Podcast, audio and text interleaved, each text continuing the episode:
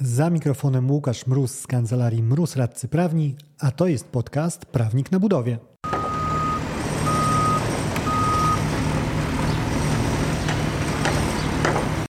Mamy kontrakty ryczałtowe, mamy te kosztorysowe, a pomiędzy nimi cała szara strefa, która obejmuje innymi sławny polski ryczałt.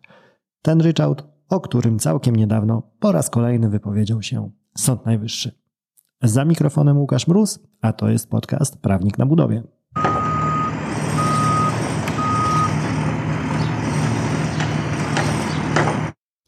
Możemy posłużyć się zapożyczonym z korpomowy kosztorys, że ze sztywnym kapem, bądź też bardziej placobudowlanym możesz dostać mniej, ale nie masz co liczyć na więcej. Istota pozostaje ta sama. Ustalamy rozliczenie typowo kosztorysowe z jego stawkami, jednostkami i rzeczywistym zakresem zrealizowanych robót.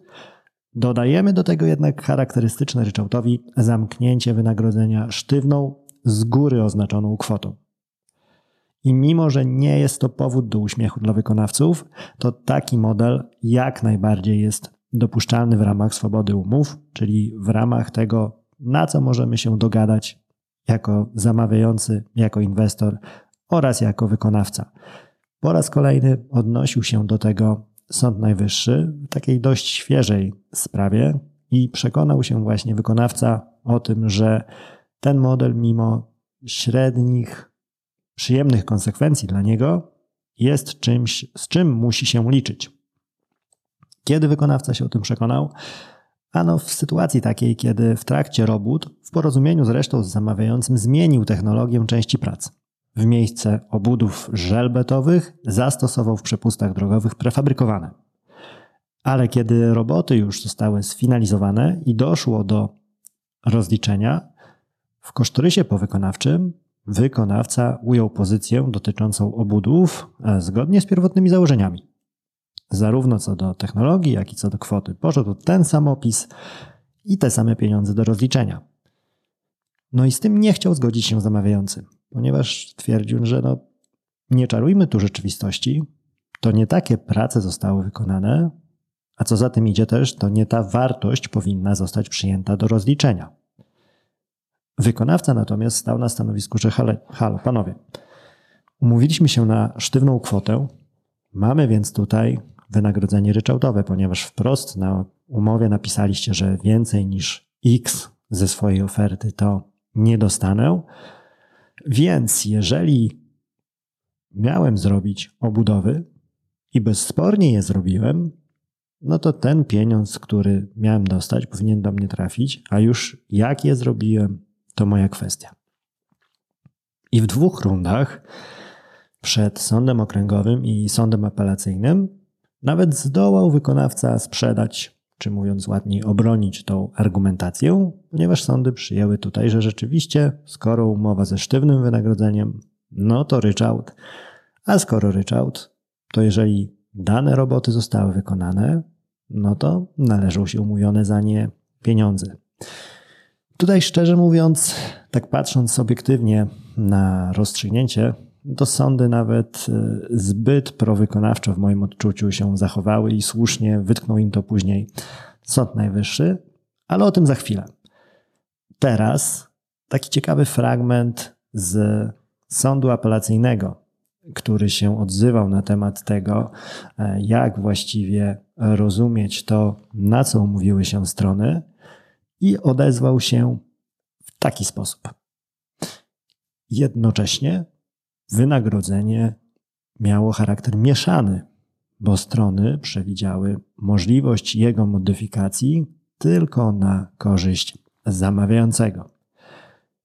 Tyle tylko, że nie jest zasadne takie rozumienie postanowień umownych, przy których zastrzega się wynagrodzenie na korzyść jednej ze stron, przy założeniu, że umówione prace zostaną wykonane w sposób prawidłowy i w pełnym przewidzianym projektem zakresie. W takiej powiem sytuacji dochodzi w istocie do weryfikacji kosztorysu będącego podstawą ustalenia ryczałtu.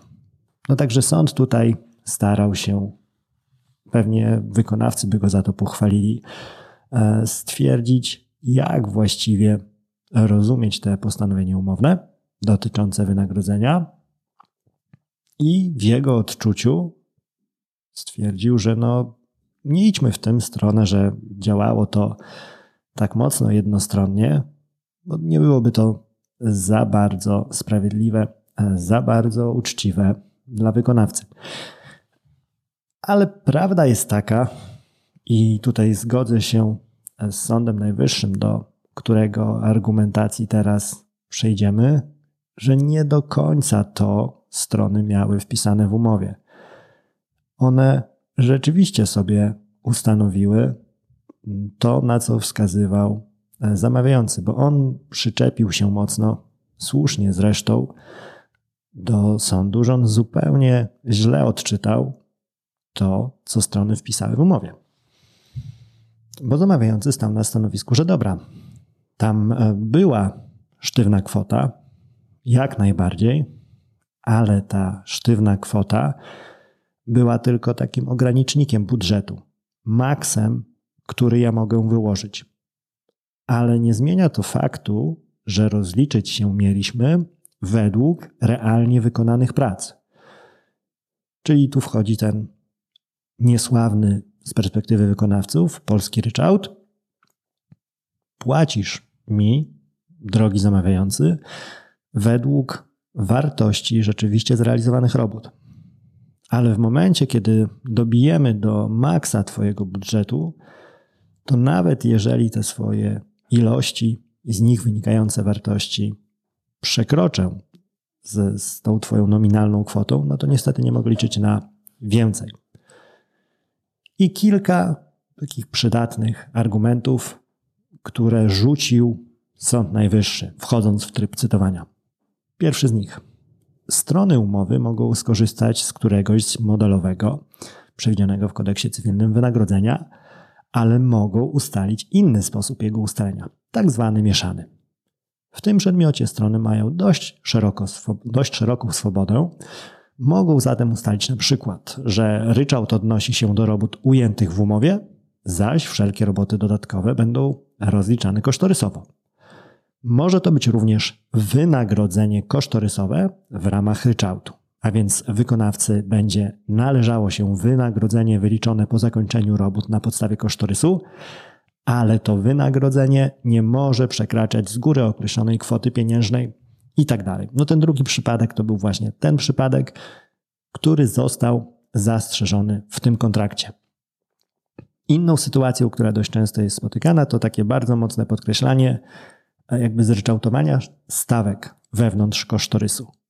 Że wprawdzie mamy wynagrodzenie kosztorysowe, ale niezmienność, taka ryczałtowość wynagrodzenia obejmuje poszczególnych elementów, poszczególne elementy składowe. Czyli jeżeli coś tam się urodzi, no to jest już e, problem wykonawcy, czyli taki powiedzmy ryczałt pośredni. Tych sposobów modyfikacji, no cóż, ile fantazji, ile kreatywności, tyle ich można wprowadzać. To, co przebija się często z praktyki sądowej, co warto wziąć pod uwagę, jeżeli bawimy się w tworzenie takich autorskich systemów wynagrodzeń, to konieczność klarownego, wręcz takiego banalnego rozpisywania tak naprawdę o co nam chodzi. Bo z perspektywy szczególnie autora umowy działa na naszą niekorzyść takie przyjęcie konsekwentnie powtarzane w wyrokach sądów, że jeżeli są jakieś wątpliwości interpretacyjne, których nie da się usunąć, no to w ostatecznym rozrachunku one spadają na barki tego, kto stworzył umowę. Czytamy te wątpliwości na jego niekorzyść. W przypadku zamówień publicznych zawsze będzie to zamawiający i nie w tym kontekście nie przekonuje mnie sięganie po argument, no ale przecież wykonawca mógł się zwrócić o wyjaśnienie, jeżeli miał wątpliwości co do treści umowy.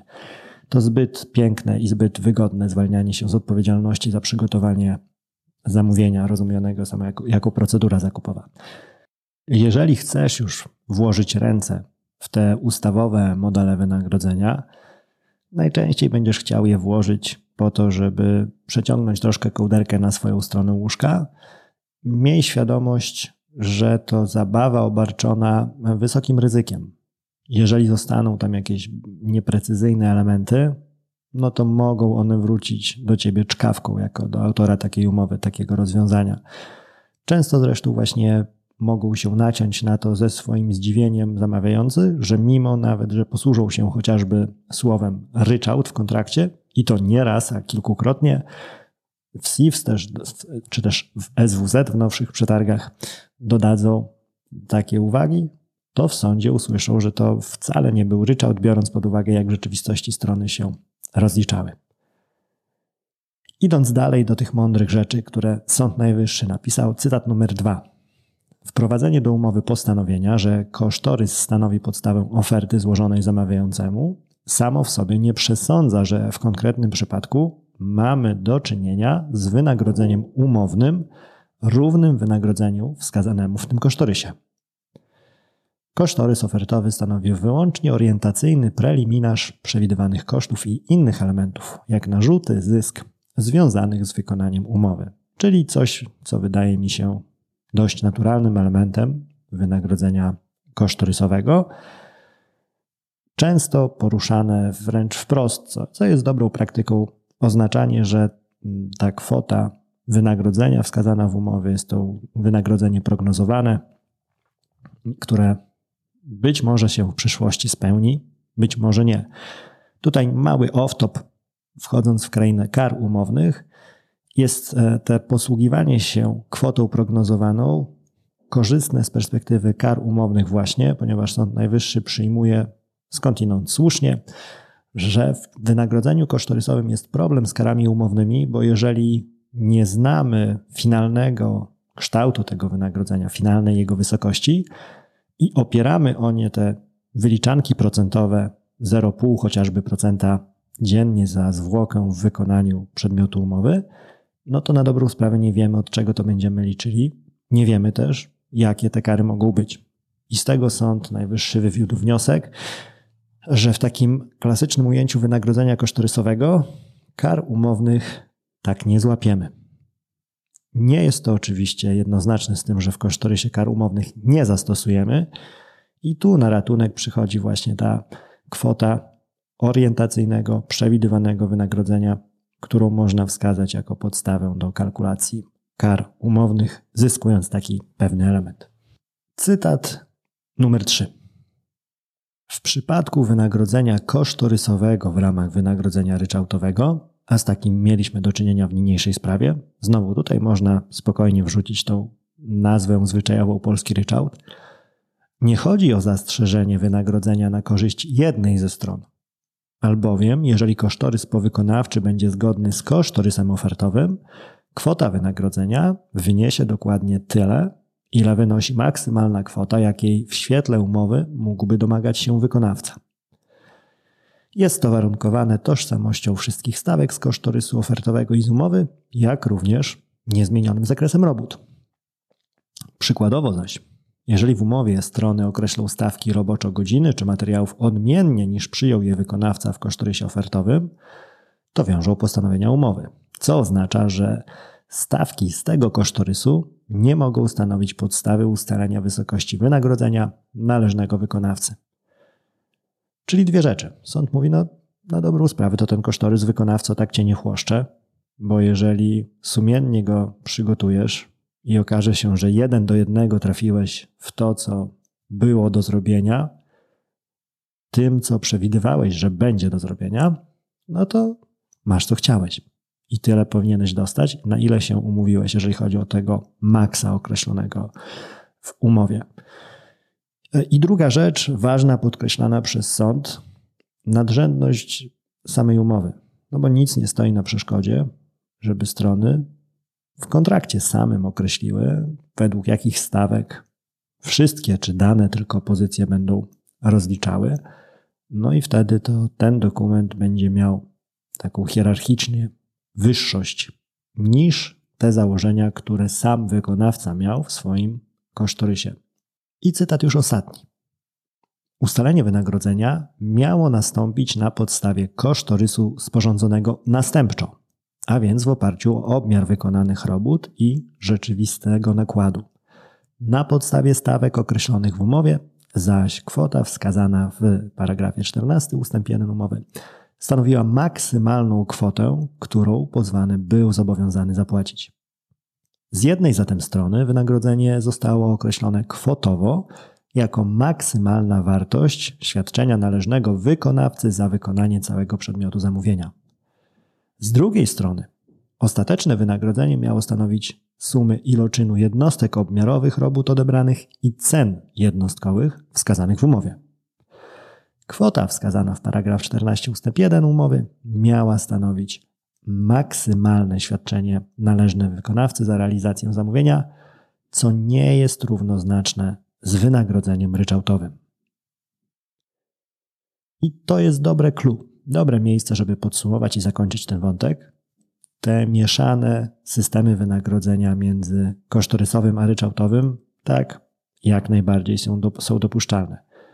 Czy one wywołują irytację wykonawcy? Pewnie, że wywołują. Tylko drogi wykonawco, jeżeli widzisz coś takiego, to szczerze mówiąc, jeżeli ty to widzisz, to zobaczy to również sąd. Także raczej nie nastawiaj się na to, że przekonasz kogokolwiek do tego, że mamy na papierze ryczałt, taki czysty ryczałt, ryczałt, kiedy w rzeczywistości nie o to chodziło. Kiedy chodziło tylko po prostu o to, że mamy pewną maksymalną kwotę wynagrodzenia, ponad nią złotówki nie zobaczysz. Poniżej jak najbardziej. Jeżeli się okaże, że nie wykonałeś takiego zakresu robót, który uzasadnia wypłatę tej pełnej kwoty. Weź to pod uwagę, szacując swoje ryzyka i w ogóle to, czy masz ochotę podjąć się współpracy na takich zasadach. Dzięki za odsłuchanie tego odcinka. Jeżeli chcesz się ze mną skontaktować, możesz napisać na biuro małpa albo zadzwonić na 577 665 077. Znajdziesz mnie też w mediach społecznościowych. Na LinkedIn jako Łukasz Mróz, a na TikToku, Facebooku i Instagramie jako Prawnik na Budowie.